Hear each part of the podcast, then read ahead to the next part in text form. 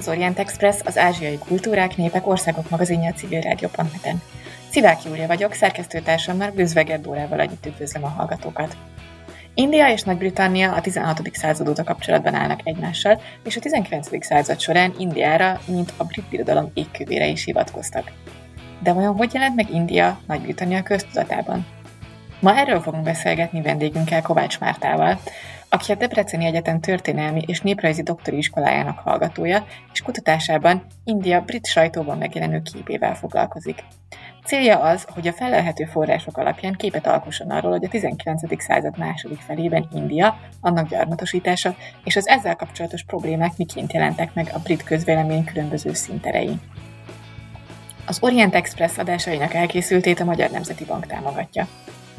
Felhívjuk hallgatóink figyelmét, hogy adásaink nem csak a civilrádió.net-en hallgatható, hanem podcastként az interneten is, az expressorient.blog.hu oldalon, a YouTube csatornánkon, valamint a Soundcloudon, a Spotify-on, az iTunes-on és a többi podcast alkalmazásban, méghozzá bárhol, bármikor, bármilyen kütyüvel.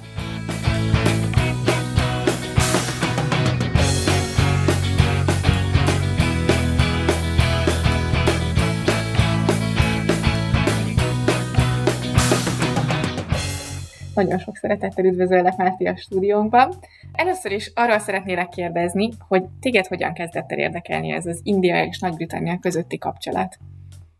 Gyakorlatilag már az egyetemi éveim kezdetétől kezdve, tehát első másodéven már ezekkel foglalkoztam, és szerencsére olyan témavezetőt sikerült találnom, aki, aki támogatta is ezeket a, a, az ambíciókat, és mindig bátorított, hogy nehéz lesz, de megcsináljuk, menni fog, és tényleg tehát másodévtől kezdve ez végig kísérte az egész egyetemi éveimet, mindig ezzel foglalkoztam. Kicsit először politika történettel, aztán, aztán egyre, egyre specifikusabban haladtunk, és akkor szűkítettük a témát. Angol sajtótörténettel, illetve Indiának erre a 19. század második fele, az 1870-es évek lett konkrétan a téma, ami, ami megmaradt. Ez egy picit, mintha alulírt lenne a történetírásban, ugye békeidőszakként, fénykorként szokták emlegetni, viszont azért nem mehetünk el a, a problémák mellett, amik megjelennek, és, és azt szeretném tudni, hogy ezek hogyan jelennek meg, meg Angliában. Tehát mit, mit tudhat mondjuk egy londoni polgár arról, hogy mi történik Indiában, esetleg mit gondolhatnak arról, hogy mit, mit is jelent nekik India, csak egy exotikum, egy messzi táj, vagy esetleg szerves része az ő kis gondolatrendszerüknek, úgyhogy gyakorlatilag tényleg az egyetem kezdete óta ezzel, ezzel foglalkoztam, és, és ez így megmaradt, és remélem, hogy meg is maradt később, későbbiekben is. És hogyan lehet ezzel a témával Magyarországon foglalkozni? Gondolom a forrásaid azok főleg akkor Nagy-Britanniában vannak, India meg aztán még messzebb van. Magyarországról ezt hogyan és milyen kihívásokkal megküzdve lehet kutatni? Igen, a, a, a források hozzáférhetősége azért nagyban befolyásolja, hogy milyen irányban működik ez a téma, és milyen irányban lehet itthonról kutatni. Éppen ezért választottuk azt, hogy egyelőre a, a, a diszertáció befejezéséig mindenképpen angol sajtó, angol parlamenti iratok lesznek, főképp a, a forrásbázis, és azokat fogjuk feldolgozni, felhasználni, hiszen azok hozzáférhetőek egyrészt online, másrészt azért nagyon-nagyon nagy mennyiségű irat van digitalizálva, és különböző archívumokban is meg lehet ezeket találni. Az, hogy a későbbiek folyamán esetleg kiterjesztjük el, vagy kiterjesztem-e a kutatást mondjuk az angol nyelvű indiai sajtóra, ez még a jövő zenéje, de, de nem kizáró, nem, nem kizárt a dolog. De elsősorban tényleg valóban az angol nyelvű és a, és a brit iratok azok, amik hozzáférhetőek nagyon nagy részt. Valóban nagy részt online egyébként, tehát az angol sajtó szinte teljes mértékben digitalizált és, és a világ bármely pontjáról hozzáférhető. Szerencsére van ö, olyan ö, digitális könyvtár is, ami érintőlegesen ugyan, de foglalkozik Indiával. Például Katarnak van egy nagyon nagy ö, digitális könyvtára, ami az arab öbölnek a történetével foglalkozik, ezért ö, érthetően egy pici szegmens azért Indiát is érint, és pont az én egyik kis alfejezetemet is, úgyhogy szerencsém van. És hát Ausztrália, illetve a brit birodalomnak a különböző területeiről szintén rengeteg sajtótermék, illetve hagyományos tehát irodalom, szakirodalom is hozzáférhető online. Működik a könyvtárközi kölcsönzés szerencsére, úgyhogy, és egyre több szakirodalom is elérhető digitális formában, úgyhogy ez, ez azért megkönnyíti, különösen a mostani covidos helyzetben a kutatást. És mely angol sajtótermékeket kutatod? Tehát mi alapján választottad ki azokat a napilapokat, hetilapokat, újság, újság cikkeket, vagy újság kiadványokat, amiket kutatsz? Elsősorban ugye itt is a hozzáférhetőség az, ami, ami befolyásolja, illetve igyekeztünk ö, nagy lapokat ö, kiválogatni. Én azt szeretném, hogyha, hogyha megtalálnánk azokat a lapokat, amik, amik tényleg a, a társadalom szinte minden részét átfedik. Éppen ezért az elsődleges sajtótermék az a Times, az megkerülhetetlen a brit történelemben. És emellett igyekeztem kormánylapot is választani, ez azért nagyrészt a konzervatív időszakban a Spectator nevű lap, ami egy nagyon elemző, hosszú, szinte már tanulmányszerű cikkeket közlő újság, ami teljesen másként foglalkozik a hírekkel, mint egy egyszerű hírlap. Illetve kerestem olyan, olyan sajtóterméket is, ami, a, ami az egyszerű polgársághoz is könnyebben eljut és könnyebben értelmezhető. Itt szerencsére viszonylag nagy a választék, Illustrated London News, illetve a The Graphic című illusztrált lapok azok, amik, amik viszonylag olcsóak a korban, tehát nagy tömegekhez jutnak el, és a képekkel pedig olyanok is láthatnak, érintkezhetnek Indiával, akik esetleg nem tudnak olvasni, vagy, vagy kevés idejük jut a művelődésre. És emellett azért előfordulnak specifikus lapok is, mondjuk nőtörténettel foglalkozó lapok a korszakban, gyarmati lapok is, de, de ez a, ez a három-négy, illetve ami még nagyon érdekes, a Punch magazin, ami egy szatirikus lap a korszakban, és nagyon sokat foglalkozik külpolitikával, többek között a birodalommal is. Tehát igyekeztem tényleg mindenféle lapot válogatni. Kicsit kellemesebb, olvashatóbb termékeket is, illetve komolyabb politikai értelmezésben dolgozó lapokat is, amelyek, amelyek valóban már a, a politika kebleiben mozognak. Ezzel kapcsolatban két kérdésem is volna, konkrétan az, az újságokkal kapcsolatban. Az egyik az a újságoknak és a lapoknak a fogyasztói rétege. Kik voltak azok, akik olvasták ezeket az újságokat? Gondolom más-más rétegek nyilván a, a különböző lapokat, de ha egy kicsit tudnám mesélni erről, meg majd ezután szeretnélek kérdezni, hogy arról tudunk-e bármit, hogy kik írták ezeket a lapokat? Igen, a, az újságoknak a, fogyasztó rétegéről most már el, elég ö, ö, szép kutatás alakult ki. Tehát azt tudjuk, hogy, hogy a londoni polgárság, illetve a brit, brit polgárság nagy része azért valamilyen lapot olvasott a korszakban. Ugye a nagy többség azért az olcsó, néhány penibe kerülő újságokat fogyasztotta, képes magazinokat, például a Punch vagy a, a, a Graphic. Az a réteg, aki viszont a Times, a Spectator lapokat olvasta, tehát a, a komolyabb politikai vonzatú lapokat, azok nagy részt a, a politika berkeiben mozgók, vagy pedig a, a kulturális életnek egy-egy felsőbb rétegének mondható társadalmi csoport, oktatók, tanárok, politikusok, ügyvédek, tehát nagyon nagy réteg olvas egyébként, és nagyon-nagyon sokan olvasnak a korszakban valamilyen lapot. Ezt, ezt tudjuk. Az hogy, az, hogy ezt valóban hogyan értelmezték ezeket a, a lapokat, sajnos ez ugye nem egy olyan dolog, amit, amit meg tudunk mutatni, és, és biztosan el, el tudunk magyarázni, illetve ábrázolni tudunk mi így 100-150 év távlatából. Gondolatolvasók nem vagyunk, csak mi is értelmezni tudjuk azt, hogy az adott cikkekben, az adott újságban mi szerepel, mit, mit gondolhattak az olvasók. Arról tudnál nekünk mesélni egy kicsit, hogy kik voltak azok, akik ebben a korban újságírásra adták a fejüket, és hogy vajon ők mit tudhattak Indiáról, vagy honnan szerezték az információikat? Erről tudunk bármit? Az újságíró réteggel én, én keveset foglalkoztam. Annyit tudok a, a témáról, hogy ez már a korszakban szakmának tekinthető, tehát nem keftelésből foglalkoztak vele különböző más foglalkozású emberek. Vannak külön olyanok, akik, akik például a karikatúrákat készítik, és, és itt például a Daniel neve az, aki, aki fölmerül, aki a, a, a Páncsnak egy nagyon híres karikatúristája, tehát a korszakban már egészen biztosan kifejezetten ezzel foglalkozó emberek írják az újságokat.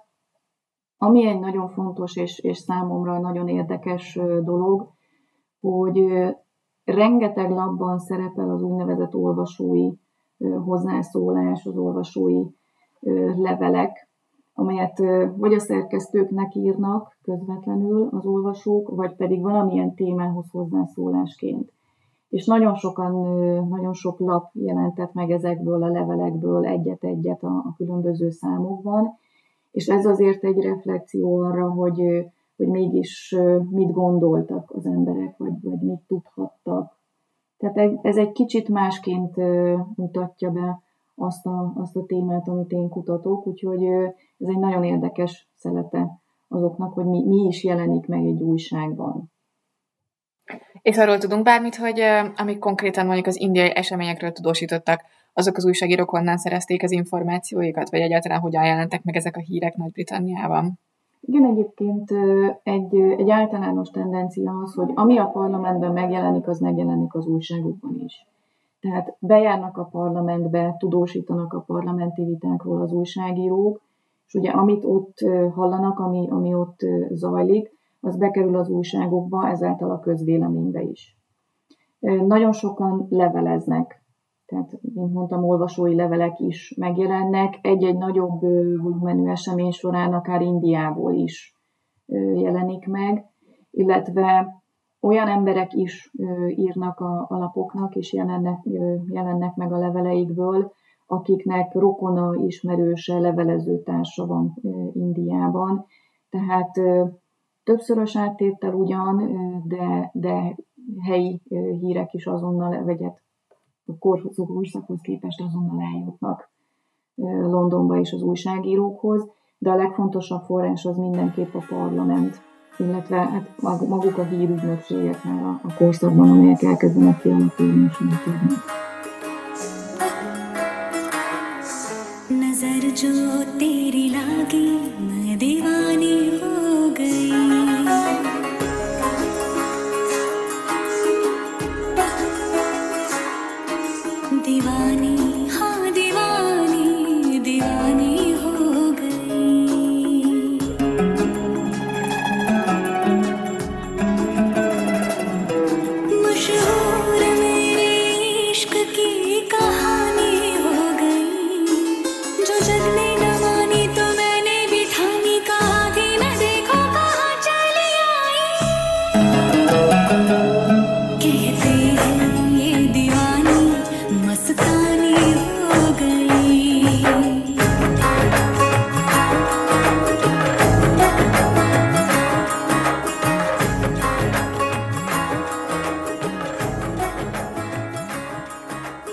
továbbra is az Orient Express civil rádió.net-en, és Kovács Mártával beszélgetünk az indiai és Nagy-Britanniai kapcsolatokról, illetve a, a közvéleményről.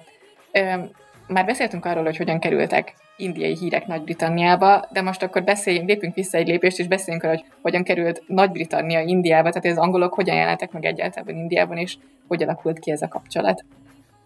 Ja, a brit-indiai kapcsolatok az egészen a, a 16. századig nyúlnak vissza, amikor kereskedelmi telepek jönnek létre Indiában, létrehozzák a kelet-indiai társaságot, amely domináns a korszakban és a későbbiek során egészen 1858-ig a brit-indiai kapcsolatoknak a, a mechanizmusában.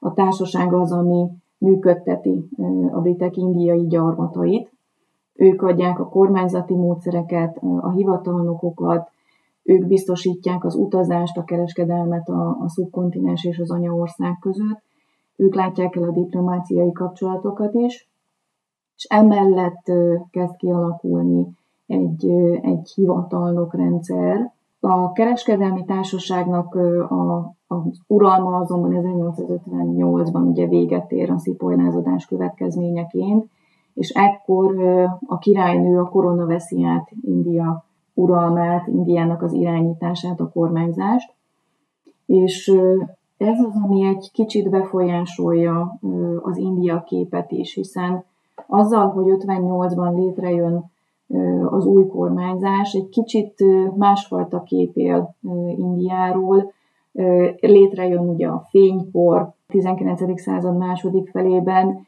Indiát a, a brit korona égkövének szokás nevezni, ami azonban csalóka, hiszen emögött a, a, a fénykor és emögött a, a prosperáló kapcsolatrendszer mögött azonban számtalan probléma van. Állandó jelleggel beszélhetünk felkelésekről, éhínségekről, különböző járványokról, amelyek azért befolyásolják azt, hogy India mit gondol Nagy-Britanniáról, és Nagy-Britannia mit gondol Indiáról. Még egy kicsit beszéljünk a szipoly lázadás előtti időkről. Ekkoriban mit tudtak Nagy-Britanniában Indiáról? Milyen volt az ekkori India kép? Ugye a 16, a 16. század után következik egy, egy másik fénykor, a nábobok korszaka.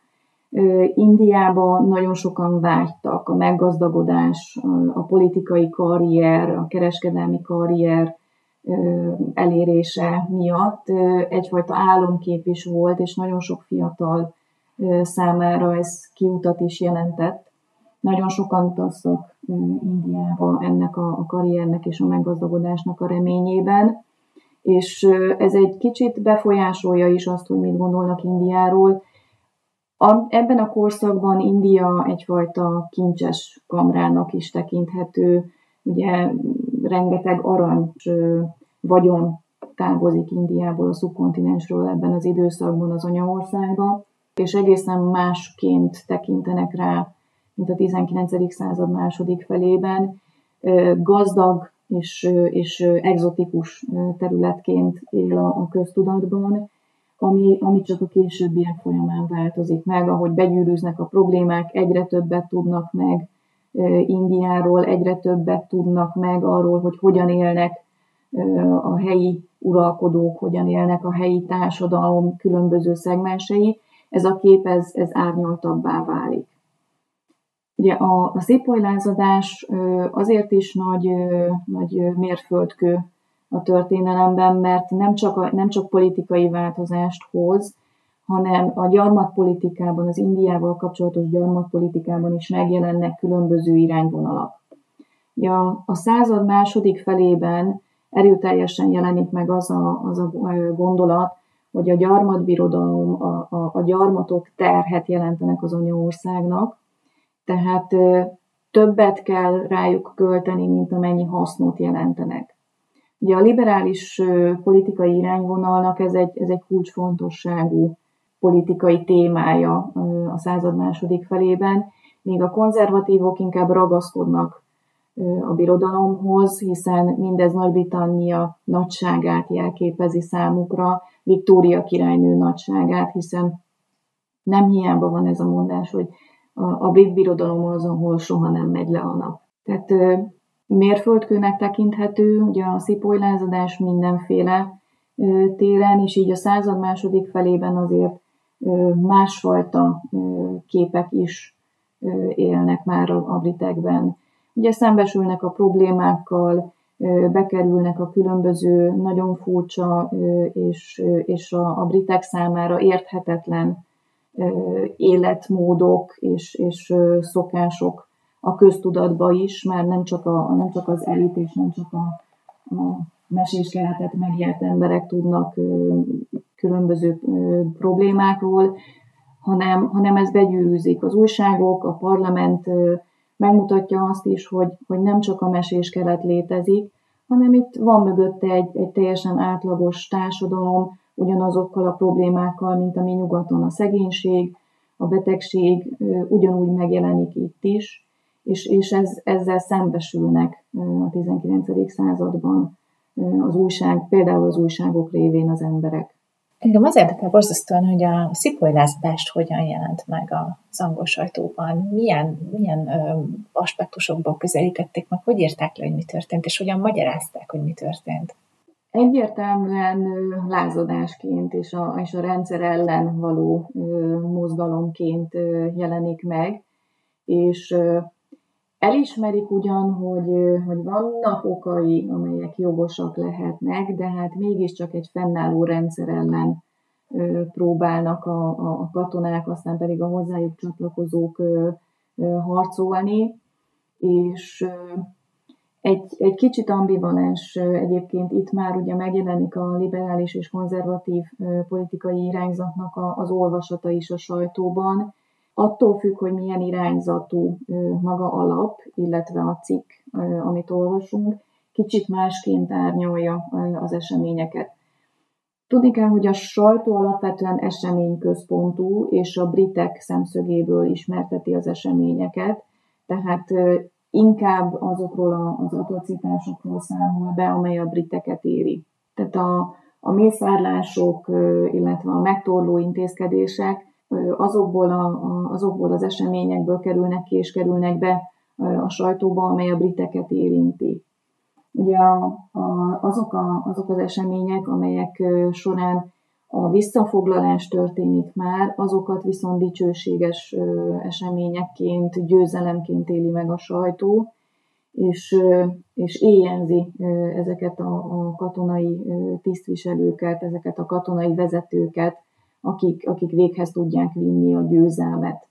Tehát egyértelműen egyébként negatív gondolatok olvashatók nagyon-nagyon sok helyen a, a harcos, harcokkal és a, a lázadókkal szemben.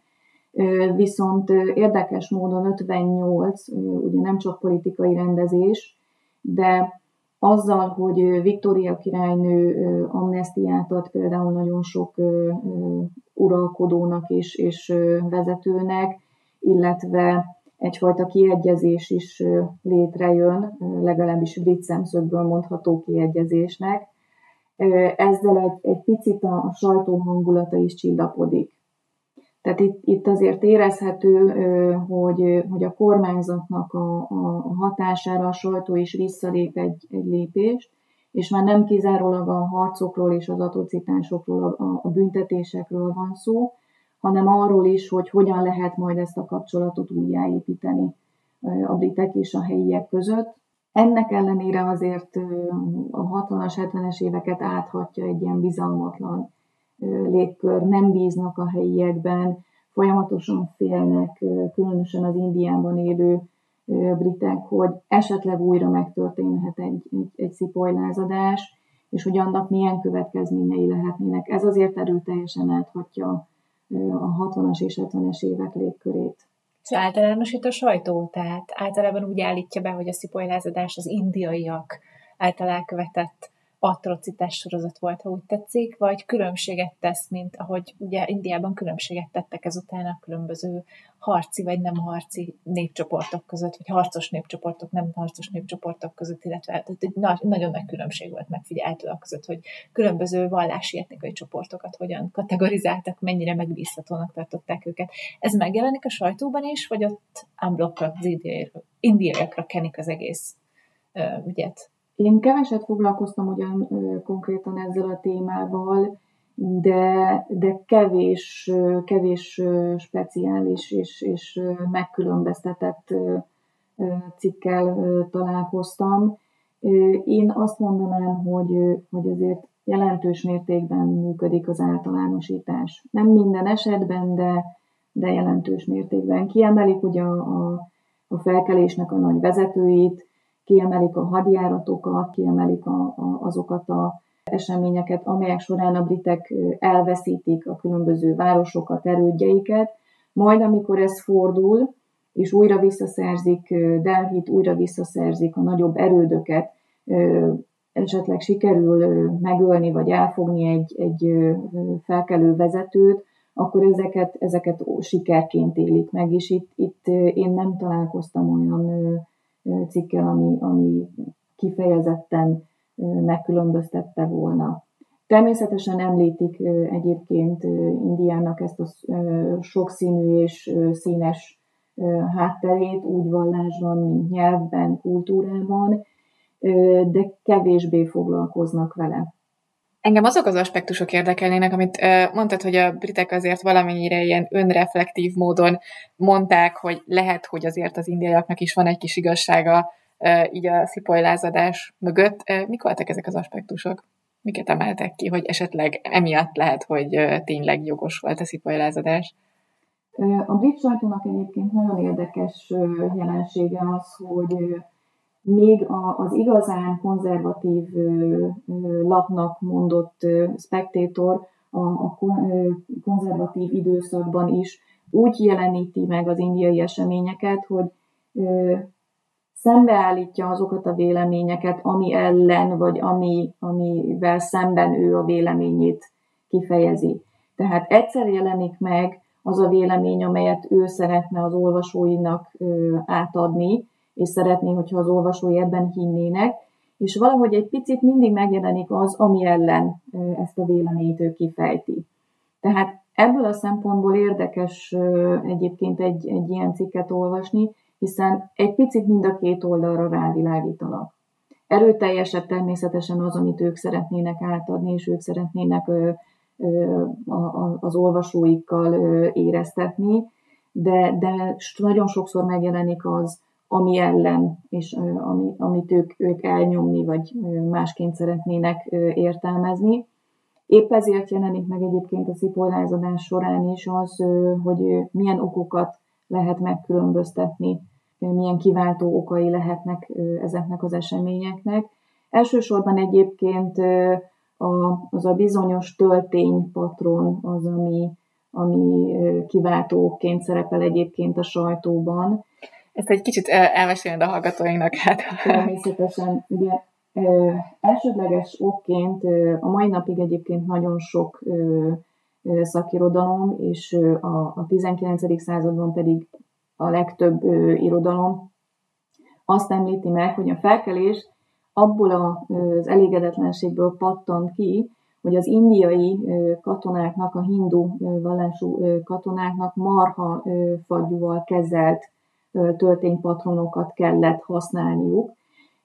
Ez azért volt probléma, mert ezt a patront, ezt szájjal kellett föltépni a katonáknak, mielőtt használták volna magát a töltényt. Ezáltal viszont ugye ők a vallási elődjásaikat szekték volna meg.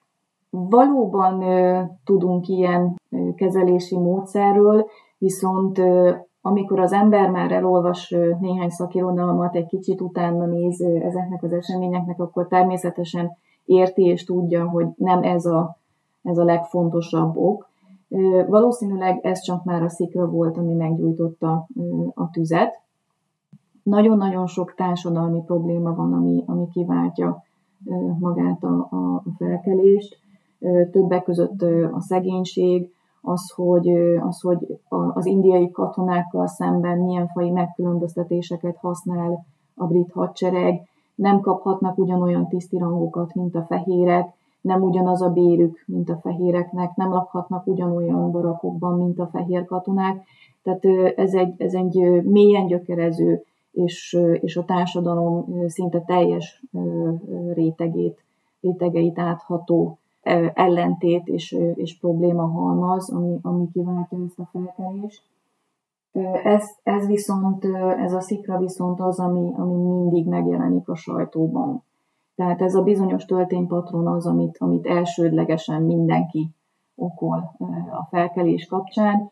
Aztán, amikor az eseményekről elkezdenek beszámolni, és egy kicsit megismerik a másik felet is, az angol lap, lapok, akkor megjelennek már a különböző egyéb okok is. Nem túl erőteljesen, de azért nagyon sok helyen olvashatók ezek is. Kicsit másként értelmezve, mint ahogy mondjuk mi 150 év távlatából, de, de azért érdekes, hogy megjelennek ezek, a, ezek az okok. Viszont kevésbé nyomatékosan, nem olyan sokszor, nem olyan hangon, mint, mint mondjuk a, a brit hírek és a brit eseményeknek a, az értelmezése.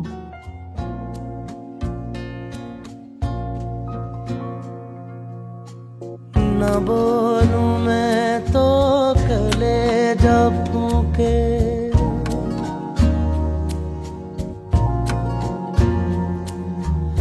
न बोलूं जो बोल दूँ तो जबान जले है। सुलग न जावे अगर सुने वो।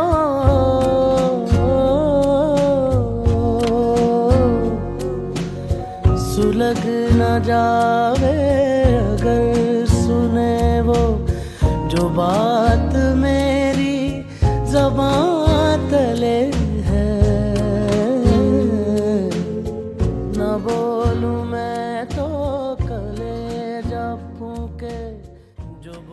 továbbra is az Orient Express a civil rádió.net-en. Kovács Mártával beszélgetünk Indiának és Nagy-Britanniának a viszonyáról, illetve India nagy-britanniai sajtóképéről. Mennyire volt fontos Nagy-Britannia szempontjából az 1857-es szipoly Hogyan, mennyire, mennyire hangsúlyos helyen jelent meg ez a sajtóban? Ez, ez nyilvánvaló, hogy Indiában ez egy borzasztó fontos esemény volt, és az indiai gyarmat birodalom történetének talán a legfontosabb mérföldköve. De az ottani lapokban, a brit lapokban mennyire kapott hangsúlyt? Mennyire volt ez egy fontos politikai esemény? Érdekesség egyébként a, a, a brit lapoknak, hogy még nem az a, az a 20. századi tömegsajtó, és nem az a propaganda eszköz, amit mi ma ismerünk sajtóként, tehát a címlapok és a szalagcímek teljesen másként működnek a korszakban, viszont nagyon érdekes, hogy, hogy erőteljesen jelennek meg az események. Nagyon sokat írnak róla, viszonylag hosszú cikkekben írnak róla, és már nem csak, India nem csak a, a külpolitikai vagy birodalmi hírekben jelenik meg, hanem önálló cikkekben számolnak be ezekről az eseményekről, rengeteg képet közölnek, ami természetesen nem, nem fotó, hiszen ekkoriban azért még messze vagyunk a, a fotózástól és annak újságban való közlésétől. Metszeteket, rajzokat közölnek, viszont ezeknek nagyon nagy része, sőt szerintem túlnyomó többsége Londonban készül, tehát amikor az újságot készítik, ott egy, egy rajzoló, egy grafikus próbálja az általa olvasottak alapján megrajzolni azt, amit látott, tehát ezek azért félrevezetőek tudnak lenni. Éppen ezért nagyon, nagy, nagyon komolyan forráskritikával ezek, kell ezeket kezelni, hiszen nem hihetünk el mindent, amit látunk a képen, és abból sem, amit olvasunk az újságcikkekben. Mint említettem, nagyon erőteljesen a brit szemszög dominál. Ez valahol természetes is, hiszen, hiszen az anyaország elleni lázadásról van szó, és, és briteket érő atrocitásokról van szó, tehát az akkori sajtófogalmak szerint ez, ez szerintem természetes vonal, hogy, hogy sokkal kevésbé jelennek meg az indiai problémák, az indiai okok, azok, hogy mik történnek az indiai foglyokkal esetleg, vagy hogy milyen áldozatok vannak azon az oldalon, sokkal-sokkal erőteljesen mindenképpen az angol, az angol események és az angol veszteségek, illetve utána, a fordulat után pedig az angol győzelmek. És a többi gyarmati országgal összehasonlítva milyen arányban van jelen India a brit sajtóban, és ez hogyan változik? Ugye én sajtó tekintetében azért nagy részt a 70-es évekkel foglalkozom. Elmondható az, hogy a legtöbb újságban van egy úgynevezett külpolitikai rész, ami a világgal foglalkozik, a világ eseményeivel, és India általában itt jelenik meg. Tehát nem belpolitikai ügyként kezelik ezeket az eseményeket, hanem egyfajta külpolitika, vagy, vagy egy, egy, a világ része, a birodalom része, de nem Nagy-Britannia. Tehát olvashatunk szépen Franciaországról, Németországról, olvashatunk Poroszországról, tehát szépen minden európai országról, aztán jönnek a különböző távoli országok, Új-Zéland, már a 60-as, 70-es években erőteljesen megjelenik, Kína, a kínai események. Tehát nem igazán egyfajta otthonként, nem igazán egyfajta saját országunkban, saját birodalmunkkal történő eseményként mutatja be a sajtó. Ez, a, ez az általános kép, és amikor valamilyen nagyobb eseményről számolnak be, amikor valamilyen fontos dolog történik, akkor jelennek meg ezek mellé az önálló kisebb-nagyobb terjedelmű cikkek, laptól függően képekkel vagy anélkül, hosszú elemzésekkel, adatokkal, vagy, vagy egész egyszerűen eseménytörténeti beszámolóval. Tehát érdekes egyébként, hogy, hogy ennyire megkülönbözteti az otthoni eseményektől a sajtó, még Indiát is. De egyébként ezt felismerhetjük egyéb gyarmatokról szóló tudósítások esetében is, vagy, vagy Indiát specifikusan kezelik úgy, mint egy ilyen nagyon más kultúrájú, nagyon távoli országot? Szerintem nem feltétlenül abból ered, hogy más kultúra, hanem egészen abból, hogy, hogy egy gyarmat. Tehát ugyanez a helyzet mondjuk a kanadai eseményekkel is, vagy Ausztráliával. Szintén ezek, ezek az országok, vagy akkor ugye gyarmatok, szintén ugyanúgy a, a, a nagyobb európai államok hírei után következnek a sorban. Tehát ez egy, ez egy kicsit ambivalens, egy, egy furcsa jelenség a, a sajtónak. De, de ez az általam vizsgált lapokban szinte állandó jellemző. De ez vajon mennyire tükrözi az általános percepciót a, a gyarmatokkal kapcsolatban? Tehát, hogy amikor itt mondjuk Magyarországon tanulunk a gyarmatokról, vagy valami, akkor úgy képzeljük el, hogy igen, ez Nagy-Britanniának akkor az integráns része volt, meg ahogy te is mondtad, hogy Nagy-Britanniának az önképéhez hozzátartozott az, hogy itt ugye sosem megy le a nap, de hogy azért akkor az mégse hozzánk tartozik annyira, vagy mit, mit, hogy kell ezt elképzelni? Őszintén szólva ezen nem sokat gondolkodtam még, de szerintem ez nem merül föl az olvasókban, hiszen gyakorlatilag a világ szinte minden pontján van brit gyarmat. Tehát neki teljesen mindegy, hogy Kanadáról olvas, vagy, vagy Indiáról olvas, hiszen tudja, hogy az a birodalom része. Az, hogy, hogy az ő mindennapjait mennyire érinti, ez már egészen más kérdés, hiszen mondjuk egy, egy gyári munkás vagy egy, egy bolti eladó sokkal kevésbé érintett abban, hogy, hogy mi történik a nagy politikai szintéren, mint mondjuk egy ügyvéd, egy politikus, egy parlamenti képviselő, és ez azért befolyásolhatja azt, hogy a lap hová helyezi ezeket a, ezeket a híreket. Tehát ugye ez attól is függ, hogy, a, hogy az újságnak a célközönsége éppen melyik társadalmi réteg, hogy hová helyezi a különböző híreket, mik szerepelnek címoldalon, mik szerepelnek a negyedik, ötödik oldalon. Tehát ez azért nagyban befolyásolja a híreknek a, a hosszát, a híreknek az elhelyezését az újságokban. Az 1870-es években azért már bőven érkeztek Angliába tanulni akár az indiai gyarmatról. Van arra példa, hogy indiai származású illető írt ezekbe a lapokban?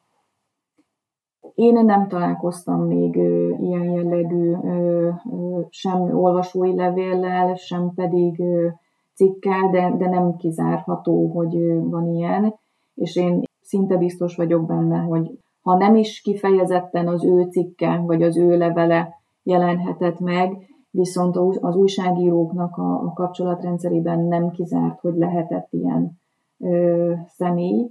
Azt tudjuk, hogy rendszeresen beszámoltak a lapok is az esetlegesen nagyobb politikai, indiai politikai elitben mozgó személyek látogatásáról, vagy esetleg arról, hogy, hogy ki látogatja meg éppen a, a királynőt, vagy, vagy milyen látogatás zajlik éppen Indiában, indiai személyek által Angliában. Szaládzsunk például rendszeresen megjelenik ezekben a, a cikkekben, hiszen ő járt Nagy-Britanniában. Érdekes, hogy sokszor olyanok is megjelennek, és egy kis nyúlfartnyi kis helyet kapnak a, a, az újságokban, hogy egy-egy indiai uralkodó éppen milyen ajándékot küldött Viktóriának. Tehát egy egzotikus állat, egy különleges ékszer, egy különleges fegyver éppen elérkezett Londonba is, és a, a királynő gyűjteményébe vagy állatkertjébe került. És amikor Viktória királynő járt Indiában, arról hogyan tudósítottak a lapok? Az, az is a külföldi szekcióba került, vagy az a belföldi kategória volt? Maga a királynő soha nem járt egyébként Indiában. Nem, ez egy nagyon furcsa dolog az ő életében, hiszen imádta Indiát, rengeteg indiai szolgája volt, és rajongott a kultúráért. Ez meg is látszik a, a, a korabeli, tehát az uralkodása alatt épült különböző palotákon, termeken, viszont ő nem járt Indiában. Nagyon sokáig arra hivatkoztak a tanácsadói, hogy számára veszélyes meglátogatni a szubkontinenset, hiszen bármilyen járvány, bármilyen betegség megtámadhatja akár őt is, és akkor mégiscsak a birodalom fejét veszíti el Nagy-Britannia és a gyarmatok. A fia, Albert Edward viszont járt Indiában, ugye az ő beceneve a családban és a, a sajtó bizonyos berkeiben a Börti volt, és 1875-ben ő járt, ő egy közel egy éves indiai körutat tett a szubkontinensen. Többek között meglátogatta a különböző fejedelmeket, fogadásokat tartott, ahol nem csak az indiai, hanem az európai elit tagjaival is találkozott, úgy britekkel, mint franciákkal, portugálokkal, akik még jelen voltak a korszakban Indiában. És hát ugye a nagy vadászatokról is beszámoltak a lapok. Érdekes, hogy, hogy ezek a, a beszámolók szintén ugyanígy a, a, az India rovatban, egy külpolitikai rész egy, egy kis rovatában jelentek meg, illetve a, a, a különböző cikkek, második, harmadik oldalon megjelenő cikkek, amik, amik az általánosságot jelzik. Az Illustrated London News és a Graphic viszont hoz már ekkor címlapon is különböző képeket Börtinek az utazásairól. Nagyon híres az egyik elefántvadászatól készült képe, illetve a lapokban nagyon sok olyan ábrázolás jelenik meg, ami bemutatja azt, hogy az indiai fejedelmek hogyan élnek. Különböző állatviadalok Barodában, tigrisvadászat, különböző templomoknak a, a látogatásai, és ami nagyon érdekes és többször megjelenített téma, amikor, amikor Börti meglátogatta az 1857-58-as szipoly-lázadásnak a különböző helyszíneit, és ott veteránokkal találkozott, olyan indiai katonákkal, akik kitartottak a britek mellett, és, és a szifolylázadás alatt is a brit hadseregben szolgáltak. Velük is találkozott egy-két alkalommal, és ezek mind megjelennek a lapokban. Mivel került még címlapra India? Milyen történet, milyen eseményekkel? Az 1877-es koronázási ünnepség, ami, ami még nagyon érdekes, Ugye 1876-ban a brit parlament megalkot egy olyan törvényt, ami értelmében az indiai császári címet onnantól kezdve Viktória királynő birtokolja, tehát nem csak névlegesen, de valójában is India császárnőjévé válik az uralkodónő, és ezt 1877. január 1-én jelentették be a Delhi melletti koronázási portban, ami kifejezetten erre az alkalomra készült, és itt egy óriási ünnepség keretében az akkori kormányzó, vagy alkirály már ekkor bejelentette a törvény megalkotását, és felolvasott egy proklamációt, ami erről szól, és üdvözölte a királynő nevében a megjelent fejedelmeket. Az, hogy erre hogyan készül a brit kormányzat, az Indiában székelő brit kormányzat, illetve az alkirály, illetve hogy hogyan megy végbe ez, a, ez az esemény, ez is címlapra kerül, hiszen óriási tömegek jelentek meg, kép került például a, magáról a, a színpadról, amelyen éppen a, a, az alkirály fölolvassa ezt a, a királynői proklamációt, de arról is, amint bevonul erre a, a különös, különlegesen épített parkba, és, és egy nagyon impozáns, nagyon díszes, nagyon gyönyörű helyként, és tipikusan ilyen brit, kicsit középkorias, mégis keleties díszítésű alkotásként és építményekkel jelenítették meg az újságok ezt az eseményt.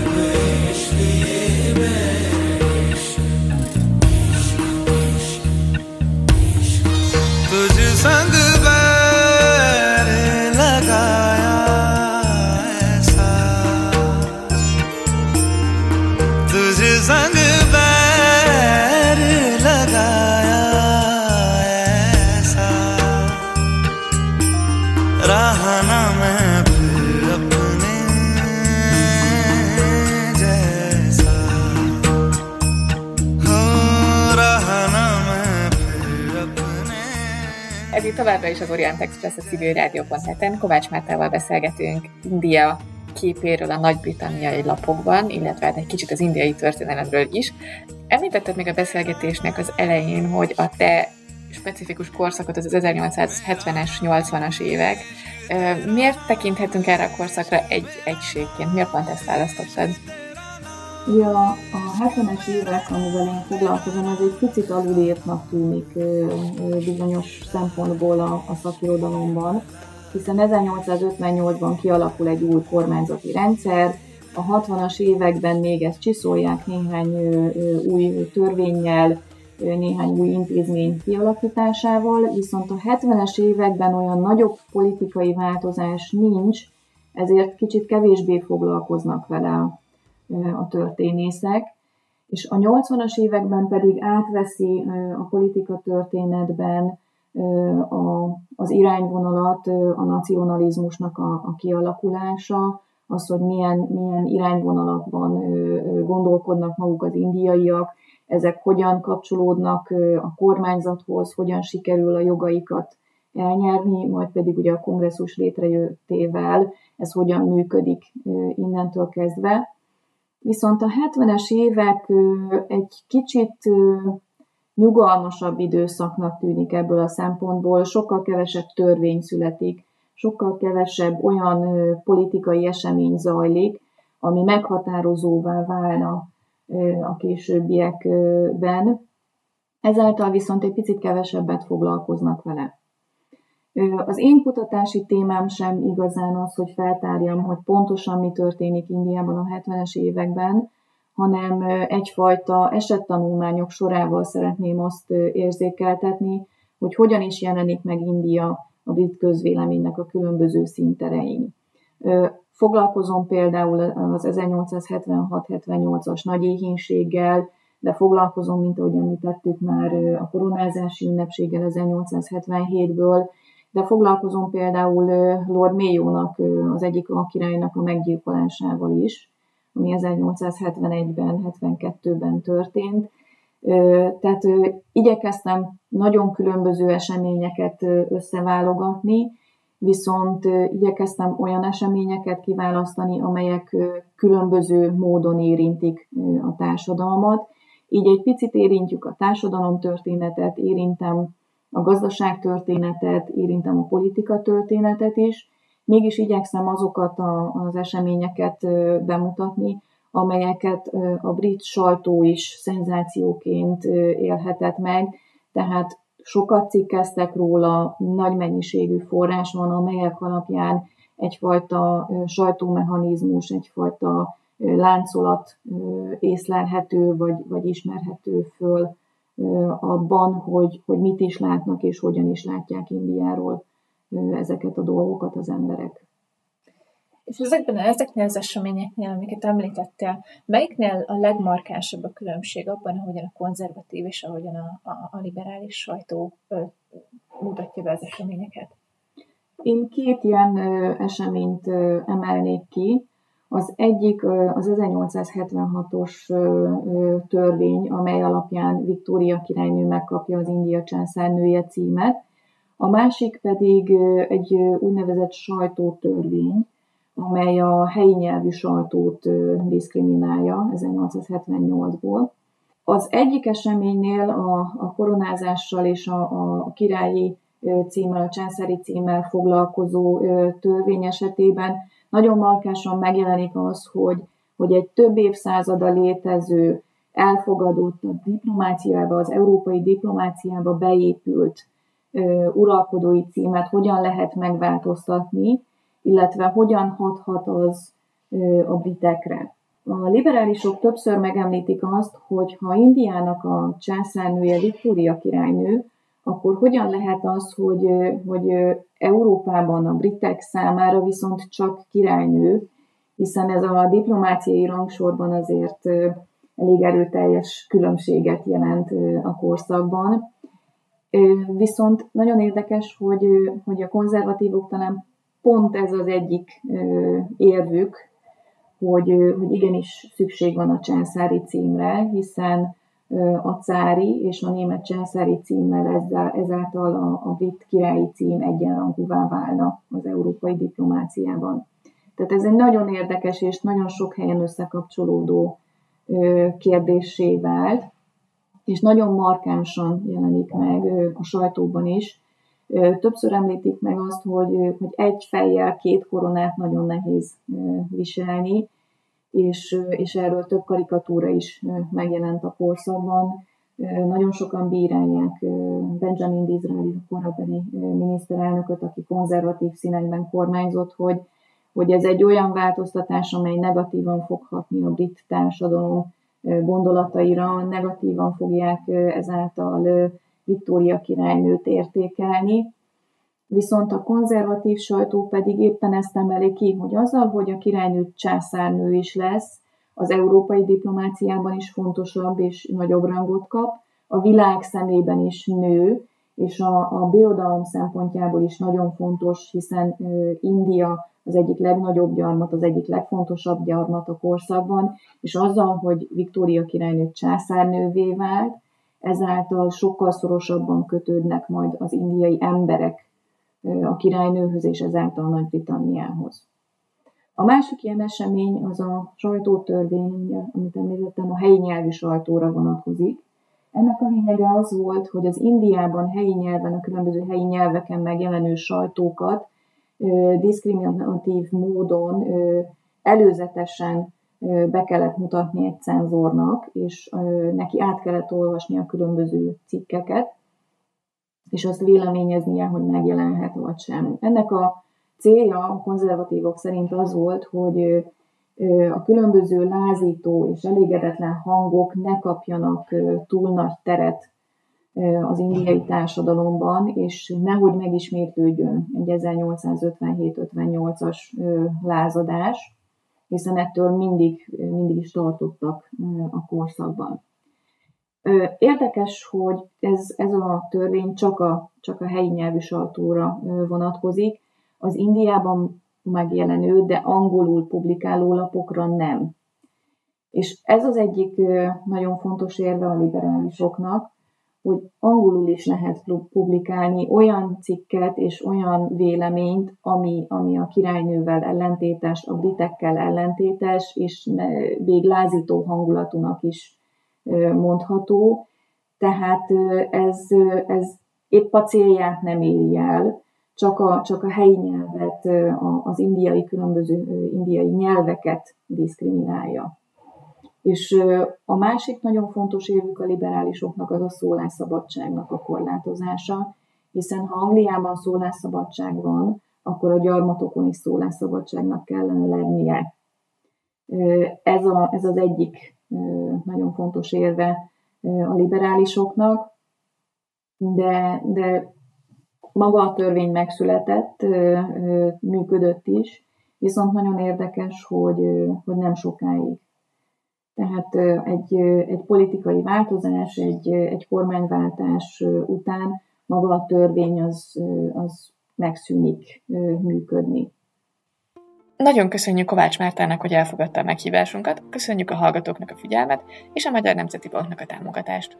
Önök az Orient Express-t, a civilrádió.net ázsiai magazinját hallották, a műsort Szivák Júlia és Günzberger Dóra vezették. Felhívjuk figyelmüket, hogy az Orient Express adásai nem csak a civilrádió.net-en hallgathatók, hanem podcastként az interneten is. A címünk expressorient.blog.hu, de ott vagyunk a Soundcloudon, az iTunes-on, a Spotify-on és egyéb podcast alkalmazásokban és a YouTube-on is. A Facebookon pedig a Pázmány Péter Katolikus Egyetem Modern Kelet-Ázsia kutatócsoportjának oldalán lehet megtalálni az adásokat és készítőiket. Tartsanak velünk a jövő héten is, a viszonthallásra!